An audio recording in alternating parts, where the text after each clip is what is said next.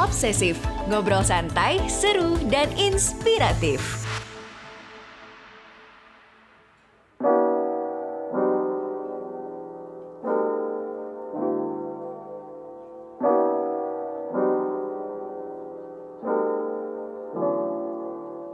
Halo teman obsesif, jumpa lagi di season terbaru dari Siniar Obsesif. Di season keempat ini ada yang spesial banget nih. Pengen tahu gak sih apa kejutan dari season ini? Pastiin dulu kalau kamu dengerin episode ini sampai akhir. Oke? Okay? So, tema besar dari season ini adalah Improve Skills to Rebuild Society. Kenapa tema ini dan kenapa hal tersebut menjadi penting? Nah, Salah satu penelitian Harvard Business Review menunjukkan kalau lebih dari 20% pekerja di rentang usia 30 sampai 45 tahun memilih untuk berhenti dari pekerjaannya. Sementara, pekerja di rentang usia yang lebih muda justru banyak yang menetap pada pekerjaannya dengan asumsi bahwa mereka membutuhkan stabilitas finansial. Jadi nggak heran kalau kebutuhan untuk meningkatkan keahlian atau mengembangkan keahlian baru yang tak lekang oleh waktu menjadi semakin krusial. Well, sebelum kita masuk ke episode dengan topik-topik menarik di season 4 ini, pada episode pembukanya kita bakal ngobrol dulu bareng Nathaniel pribadi, yakni founder Excol Indonesia dan penanggung jawab dari Logos ID. Kita akan bincang-bincang soal bagaimana mengoptimalkan keterampilan diri untuk mengikuti perkembangan zaman. Penasaran gak sih apa motivasi di balik pendiri Exco Indonesia yang satu ini dan bagaimana pandangannya terhadap upgrade diri dan menambah skills? Langsung aja kita simak wawancara Brigita Valencia Bellion atau Ellen selaku podcast produser Medio by KG Media bersama Nathanael pribadi berikut ini.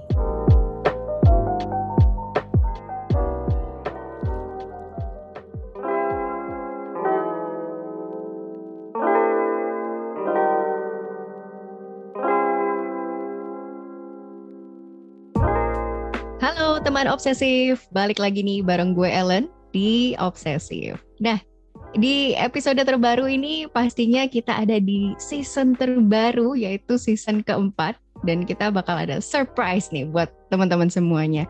Dan uh, ini adalah episode bonus untuk mengawali season keempat kita kali ini. Dan kali ini gue ditemani oleh seseorang yang hebat banget. Nanti dia juga bakal kasih surprise sedikit nih buat kita.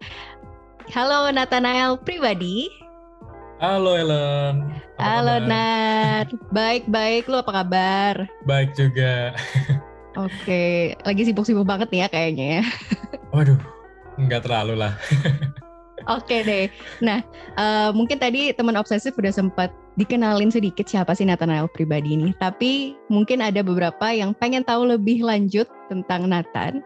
Nah, Nat, boleh dong kenalin diri dulu dan Kira-kira apa sih kesibukan lo saat ini? Oke, boleh banget, uh, Ellen. Halo teman-teman semua, nama aku Natal pribadi. Saat ini sedang membuat uh, dua buah platform edukasi ya. Yang pertama itu Logos ID, dan yang kedua itu Exco Indonesia. Dan sekarang juga lagi sambil kuliah juga S2. Itu sih mungkin, Ellen. wow, super padat ya berarti. Dan dan kalau nggak salah lu juga lagi kerja ya sekarang nanti ya? Iya bener-bener. Iya lagi full time juga di startupan gitu. Oke, okay, super cool. Nah, kita langsung aja nih ngobrolin uh, hari ini topiknya cukup menarik juga nih buat kita memulai season keempat kali ini. Nah, Nat ngomongin masa muda. Kan lu masih muda ya, Nat masih berapa Nat umurnya Nat? Boleh Masih 23 muda lah ya tiga nih muda banget dong masih muda banget masih fresh graduates masih uh, meniti karir dan banyak hal yang dieksplor gitu nah uh, masa muda ini kan sering diartikan sebagai masa untuk mengeksplorasi diri uh, lu kan disibukkan dengan banyak kegiatan tuh kayak di Logos di Excool yang sedang lu bangun saat ini kemudian kerja juga dan menempuh S2 tapi di luar negeri nih berarti jam jamnya juga berbeda nih kan dengan kita ya jadi lu harus bangun itu mungkin lebih banyak waktu kerja dan bangunnya nih. Nah, kira-kira dengan kesibukan lo yang saat ini, masih ada nggak sih yang pengen lo explore lagi? Hmm, sebenarnya pengen explore tuh banyak banget ya, karena eh, hal-hal interesting di dunia ini semakin lama semakin banyak gitu ya. Kayak baru-baru ini mungkin kita kenal kayak NFT non fungible token, cryptocurrency, blockchain, ada juga teknologi yang terbaru seperti uh, udah lama sih tapi baru ngetrend karena meta karena metanya Facebook kayak virtual reality, gimana kita hidup uh, dalam dunia virtual. Itu kan itu menarik-menarik semua ya, kayak banget banyak banget siapa yang diekspor kayak gitu. Yang mungkin uh, lagi hype dan akan hype ke depannya gitu ya. Jadi rasa penasarannya masih besar ya, Nat ya? Iya, besar sekali. Oke, nggak menutup kemungkinan buat eksplor hal baru ya berarti. Ya masih hmm, dua tiga, masih banyak hal yang bisa dieksplor. Oke. Okay. So, uh, dengan tadi kesibukan lo, terus ternyata lo masih pengen untuk eksplor banyak hal. Gimana nih cara lo untuk ngebagi waktu? Atau kalau sekarang tuh orang bilangnya kayak bukan ngebagi waktu lagi ya kayak manage energi gitu loh. Gimana lo bisa manage energi lo untuk maksimal di beberapa hal yang lo lakukan ini gitu? Hmm, uh, mungkin jawaban dari gue adalah karena uh, gue mengerjakan semuanya ini uh, sefun mungkin gitu ya. Jadi karena emang gue senang uh, baca buku dan gue share ke teman-teman gue, ya makanya ketika gue mengerjakan logos, gue senang. Begitu juga dengan ekskul. Kayak emang gue suka belajar, jadi dengan adanya ekskul walaupun capek tapi bisa sambil belajar juga kan setiap pertemuan bisa bisa akses juga ya jadi kayak oke okay, tiap hari gitu ya itu juga dengan kerjaan kayak sebagai product uh, manager di kerjaan full time uh, itu juga hal yang sangat interesting bagi gue dan apa ya banyak banget yang bisa dipelajari dari riset terhadap kepada konsumen sampai uh, nanti testing aplikasi kita apakah sesuai dengan ekspektasi mereka itu kan uh, suatu hal yang seru gitu ya bagi gue ya. Jadi kayak uh, keseruan inilah yang membuat energi gue terus ada. Dan juga biasa kalau pas kuliah kayak senangnya main game gitu ya. Nah uh, mungkin bisa dialokasikan sedikit waktu main game itu buat hal-hal yang uh, lebih lebih penting lah ya gitu menurut gue gitu ya Oke gila banget sih, tapi maksudnya uh, mungkin nggak nggak banyak anak muda yang berpikir seperti lu sih. Dan kadang kan orang kalau yang namanya anak muda ya udahlah gue senang-senang dulu gitu kan, nanti kerja kerasnya. Tapi ternyata banyak hal yang uh, bisa dan mau lo lakukan di masa-masa muda gitu. Inilah yang namanya kayak jangan nyanyain waktu ya, Nat ya. Iya, mumpung energinya uh, masih masih banyak ya. Fit banget ya. Iya. Oke, okay, ngomongin sedikit tentang uh, logos dan ekskul. Pengen tahu dong Nat, mungkin banyak yang belum tahu. Kenapa sih bisa tiba-tiba tercipta atau bisa lu bilang kayak logos tuh mungkin komunitas atau organisasi. Kenapa bisa tercipta logos dan akhirnya ekskul gitu? Hmm. Mungkin awal tercipta logos sendiri karena gue melihat banyak banget uh, stigma yang negatif terhadap filsafat waktu itu. Kayak misalnya gue anak IT gitu ya. Uh, banyak bilang kok aneh sih anak IT suka uh, filsafat gitu walaupun itu kata yang sederhana ya, kok aneh sih? Itu menurut gue cukup uh, bermasalah ya. Dan juga ketika uh, gue mencoba untuk tanya ke orang-orang gitu, apa sih pendapat kalian tentang filsafat gitu di tempat kuliah gue, di komunitas yang lain. Mereka bilangnya, oh ini merupakan suatu ilmu yang out of reach, yang sangat susah untuk dipelajari. Kenapa? Oh iya karena uh, buku-bukunya bahasa Inggris, karena komunitasnya sendiri eksklusif. Nah di situ uh, kebayang lah akhirnya gue callback uh, di saat gue SMP SMA itu ada pelajaran filsafat dan guru filsafat gue bener-bener ngejelasin pemikiran-pemikiran yang unik ini dengan sangat sederhana dan fun banget. Nah dari situ kayak ah boleh deh coba-coba bikin si logos ini awalnya uh, sebagai tweet account Twitter biasa di mana uh, gue mencoba untuk menyederhanakan lah ya atau membumikan pemikiran-pemikiran uh, filsuf ke dalam bahasa sehari-hari yang nyantai banget gitu. Dan uh, pada saat awalnya sebenarnya nggak terlalu rame. Tapi akhirnya uh, gue coba hubungkan dengan kejadian yang ada saat itu uh, atau dengan uh, pop culture.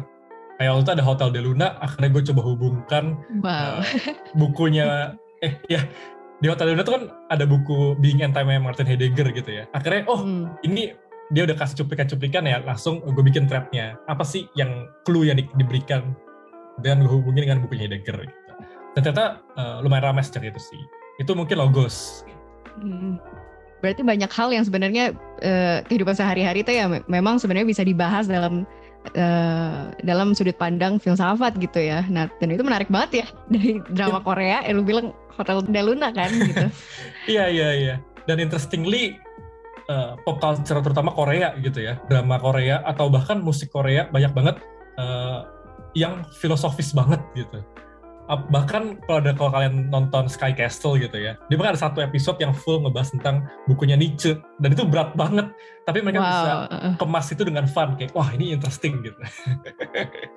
Iya, keren banget sih. Bisa lu bisa ngelihat dari sudut pandang itu kan. Berarti ada sesuatu yang bisa dibagi ini ke teman-teman lu atau uh, hmm. komunitas lu gitu.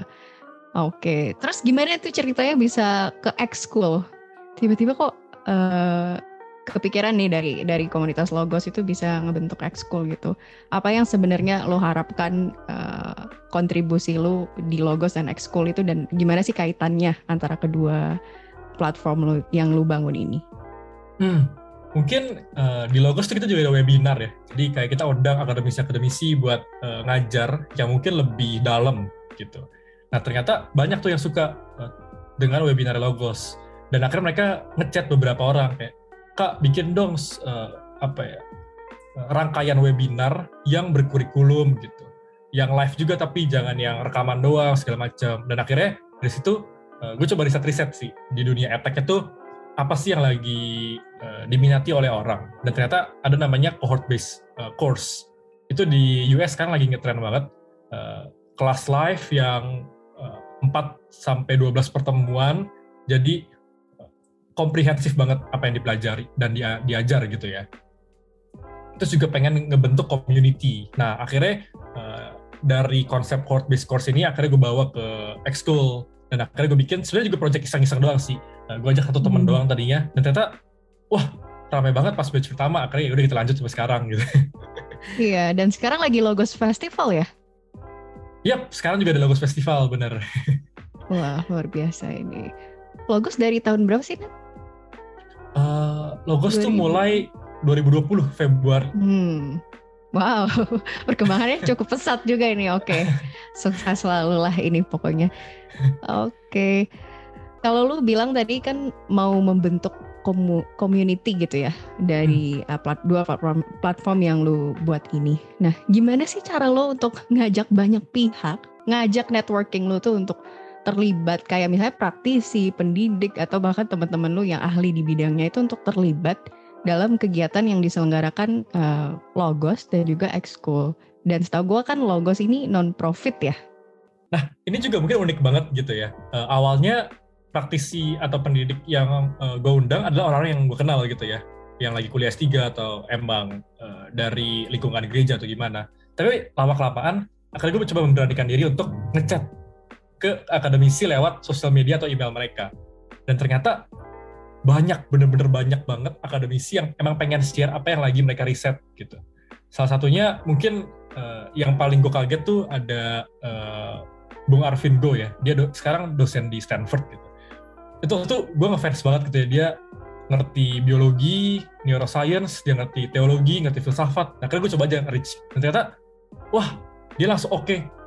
Dan walaupun logos ID non profit gitu ya dia hmm. mereka tuh nggak peduli kayak iya gue emang eh, pengen share aja apa yang gue lagi uh, teliti gitu akhirnya wah di situ gue ngelihat uh, ternyata akademisi pun mau share tapi mereka nggak ada aksesnya nah akhirnya di situ kita pengen kasih lah akses kepada uh, akademisi dan juga kepada uh, masyarakat akses terhadap pendidikan ini gitu.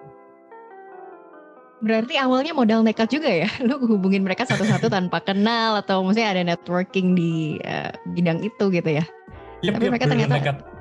Iya, dan responnya ternyata positif ya. Hmm, betul, positif banget. Dan event HP yang di luar negeri ya.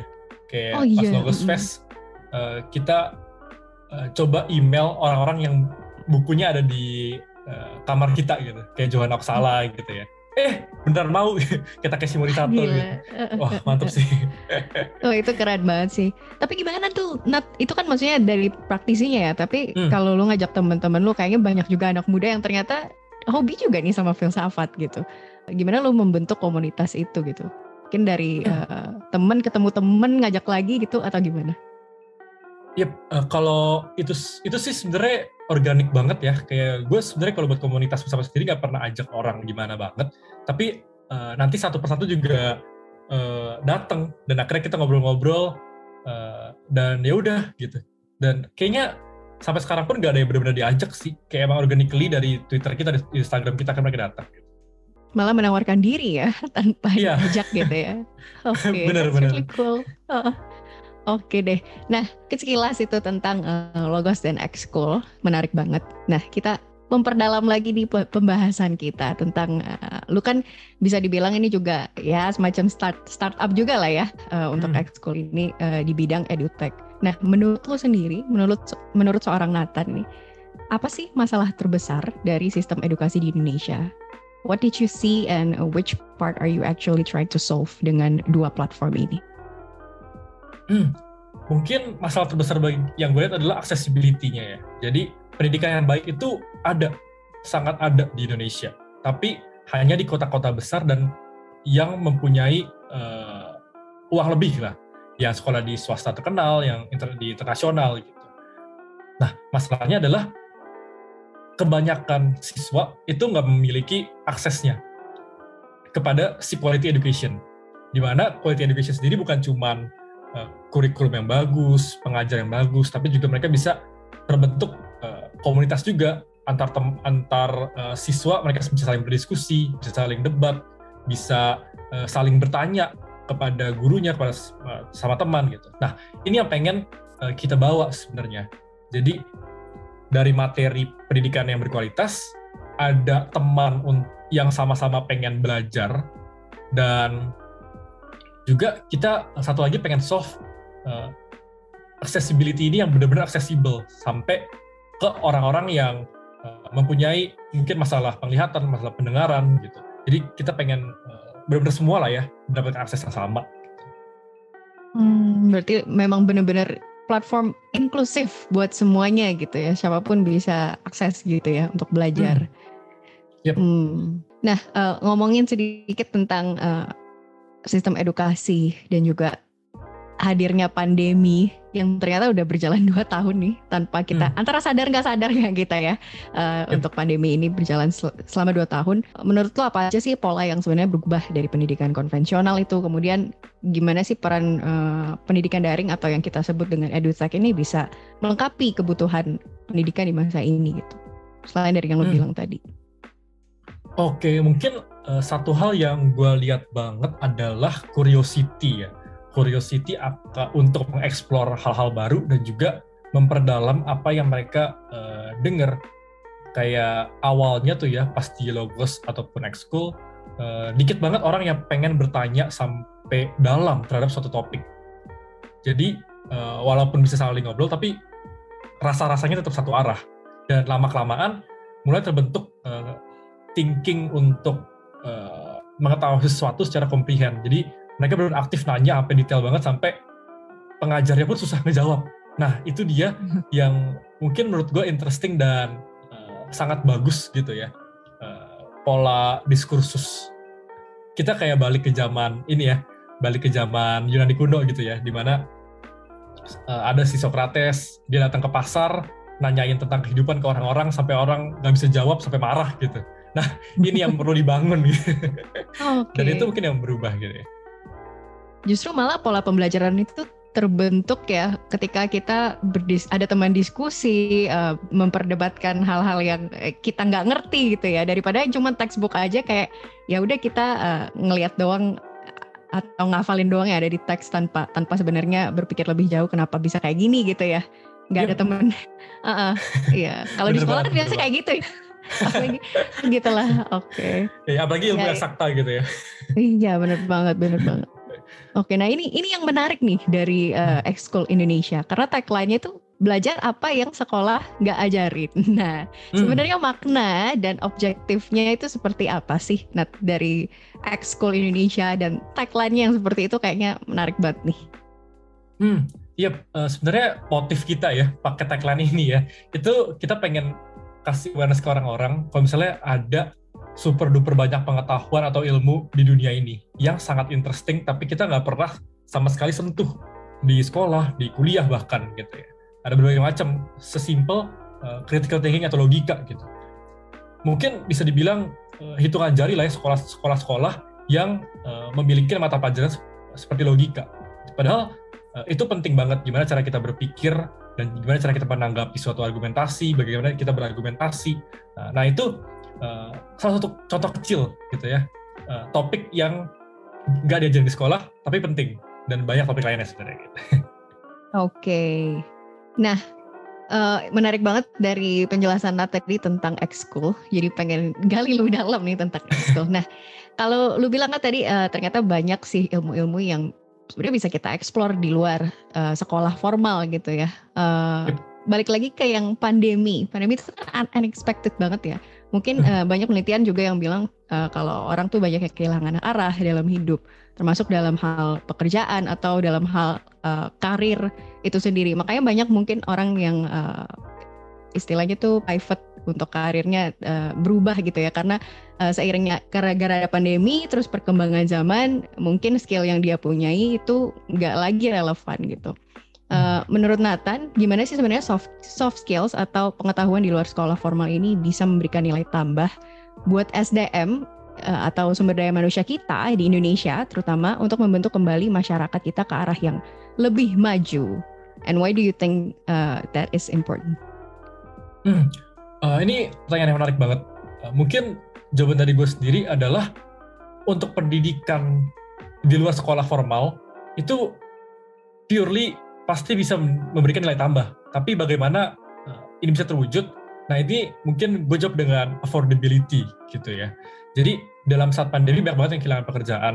Uh, kita dibilang uh, bukan hanya kehilangan alam hidup ya, tapi kehilangan pekerjaan. Mereka nggak punya uh, uang dan bertahan hidupnya susah gitu gimana mereka bisa upskill kalau misalnya mereka nggak punya uh, akses terhadap pendidikannya gitu. nah ini yang uh, menurut gue hal yang hal yang terpenting gitu ya kalau kalian lihat di luar kalau kita lihat di luar gitu ya kan banyak banget attack gitu ya uh, mm-hmm. dari yang harganya dua ribu sampai harganya puluhan juta gitu ya nah kita bisa ngelihat nih kayak mana sih or uh, mereka-mereka yang benar-benar berfokus kepada upskilling pesertanya atau muridnya yang bukan hanya memberikan pendidikan uh, berkualitas tapi juga uh, affordable buat diikuti. Mm-hmm. Karena itu yang penting ya buat apa kita punya uh, pendidikan bagus-bagus tapi juga orang nggak bisa akses sama aja kayak balik lagi ke pendidikan konvensional di mana anak-anak yang kuliah di international school atau swasta yang baik aja yang bisa memberi, mendapatkan pendidikan yang berkualitas. Hmm, karena sebagian orang mungkin balik lagi ke bisnis ya. Hmm, Karena kan Uh, mikirnya mungkin nggak nggak objektifnya berbeda nih. Uh, pendidikan itu maunya un memang untuk memajukan masyarakat kita, anak-anak generasi muda kita, atau memang uh, ya cuma sekedar ya udah uh, gue membangun bisnis dari sini ya. Memang kelihatan hmm. banget ya berarti Nat ya dari tujuan. Yap, okay. yap kelihatan banget, kelihatan banget. Nah, Nat ngomongin tujuan jangka pendek goals jangka pendek atau jangka panjang Nathan sebagai pendiri Ekskul Indonesia uh, apa sih misi lu uh, untuk masyarakat kita atau anak muda generasi kita lah gitu? Hmm, mungkin uh, tujuannya sendiri uh, pertama kita mau kasih akses sekali lagi. Kedua kita pengen orang yang sudah mendapatkan akses itu bisa senang dalam belajar dan setelah mereka senang dalam belajar kita pengen mereka lanjut ke tahap proses selanjutnya, yaitu mereka mau share ke orang lain. Nah, uh, ini tiga prinsip yang kita pengen bangun sih. Uh, learn, make it fun, and share.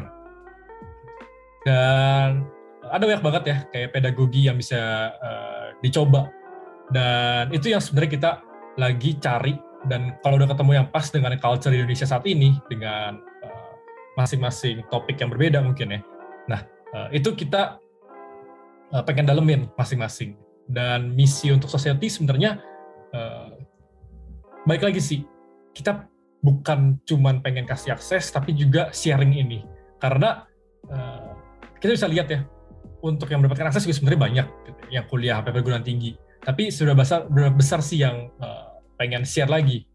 Kita bahkan lihat gitu ya, kalau ada orang yang kuliahnya matematika murni, fisika murni, mereka tuh sering diledekin sama teman-teman ya.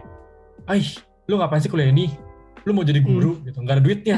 Nah, ini pola pikir harus diubah gitu ya menurut gue. Dan kita pengen ngebangun sharing itu juga penting banget. Gitu. Oke, okay, menarik. Learn, make it fun, and share ya. Berarti masih ada dong uh, mungkin ide-ide menarik lainnya atau uh, sesuatu yang lagi dikembangkan ekskul ya untuk ke depannya? Pasti ada nggak yep, yep. net? Ya, okay. Ada banget, ada banget. Tahun depan nih ya, ditunggu. Kita tunggu ya, ini berarti ya teman obsesif. Ditunggu aja, karena bakal ada yang spesial dari ekskul Indonesia. Yep, yep. Nah, oke. Okay. Mungkin uh, last but not least, pesan terakhir lo gimana sih cara buat teman-teman obsesif nih yang ngedengerin untuk upgrade skills di tengah kekalutan kita saat ini uh, dan keterbatasan yang ada di tengah pandemi ini? Hmm, uh, untuk cara upgrade skills sebenarnya uh, bisa sesimpel waktu yang kalian uh, luangkan, misalnya untuk nonton drakor, main game, uh, mungkin bisa sedikit aja, mungkin sehari 30 menit atau satu jam gitu. Dan bisa akses ke banyak banget uh, platform yang ada. Di YouTube pun kita bisa belajar uh, banyak hal ya dari growth hacking, dari digital marketing, semua ada gitu. Uh, coba aja pelakukan waktu sedikit setiap hari, nanti lama-lama uh, bakal dapat juga ilmunya. Bahkan sampai uh, dengerin obsesif ya kemarin uh, gue juga dengar oh, ada kak uh, Gabriel Tohir, ada oh, oh, kak Juvenko gitu ya ngobrolin tentang uh, edtech, ngobrolin tentang venture capital itu juga menarik banget dan bisa didengar sambil kerja juga gitu. Bener banget. Ah bisa aja nih. Bener-bener sebenarnya banyak akses yang bahkan free ya. Kadang kan hmm. orang bilang nggak mau ikut kelas online bayar, males gitu kan yep. ya. Padahal sebenarnya kalau mau diluangkan ya waktu pasti ada dan uh, yang free juga banyak gitu ya. Jadi uh, hmm. akses kita semakin gampang sih sebenarnya daripada yang zaman dulu harus textbook, maksudnya buku harus pinjem buku terus gitu kan ya. Kalau sekarang kan yep. internet banyak gitu. Nah Betul bener banget. uh, Oke, okay. bener banget nih kata Nat. Jadi karena aksesnya banyak, nah obsesif dan ekskul nih salah satunya yang bisa kalian akses uh, untuk banyak hal menarik, belajar hal menarik untuk upskills gitu ya, untuk mengembangkan hal, uh, mengembangkan keterampilan baru bahkan. Nah yang surprise-nya di sini nih Nat. Kita bakal umumin hmm. sedikit surprise karena kali ini di season keempat kita bakal kolaborasi bareng X-School Indonesia. Yeay. Wih, mantap. iya, nah, nah, di, nah menarik banget ya Nat. Nanti, wah gue udah excited banget nih. Jadi gue senyum-senyum sendiri aja. nah, bakal banyak narasumber ahli dari X-School juga yang uh, bakal dihadirkan. Dan Nat juga bakal jadi host nih di sini. Menarik banget nih teman-teman. nah, nah kira-kira apa aja nih Nat yang bakal kita bahas di obsesif? Kasih hints-hintsnya dulu dong buat teman obsesif. Hmm, kita dengar-dengar sih ada 12 episode ya, Ellen ya. Iya, oke. Okay. Dan beberapa di antaranya mungkin uh, yang menarik tuh kayak ada critical thinking, ada mm -hmm. filsafat, ada NFT, fragile token, ada juga uh, tentang iya. leadership. Yeah. Wah, itu mungkin spoiler empat kali ya Ellen. Udah empat aja ya dulu. Empat aja. Simpen dulu yang lain lainnya. Nah yang Betul. NFT juga menarik tuh ya, lagi hype hmm. banget. Nah, bakal kita bahas. Nah tungguin aja teman obsesif. Thank you banget Nat untuk uh, episode kali ini bonus kita yep. di awal nih. Uh, semoga teman obsesif uh, dengerin terus, ikutin terus uh, perjalanan season keempat ini dan pastinya akan seru dan menarik. Oke, okay, thank you. Bye Nat. Thank you banget. Thank you Ellen. Bye bye.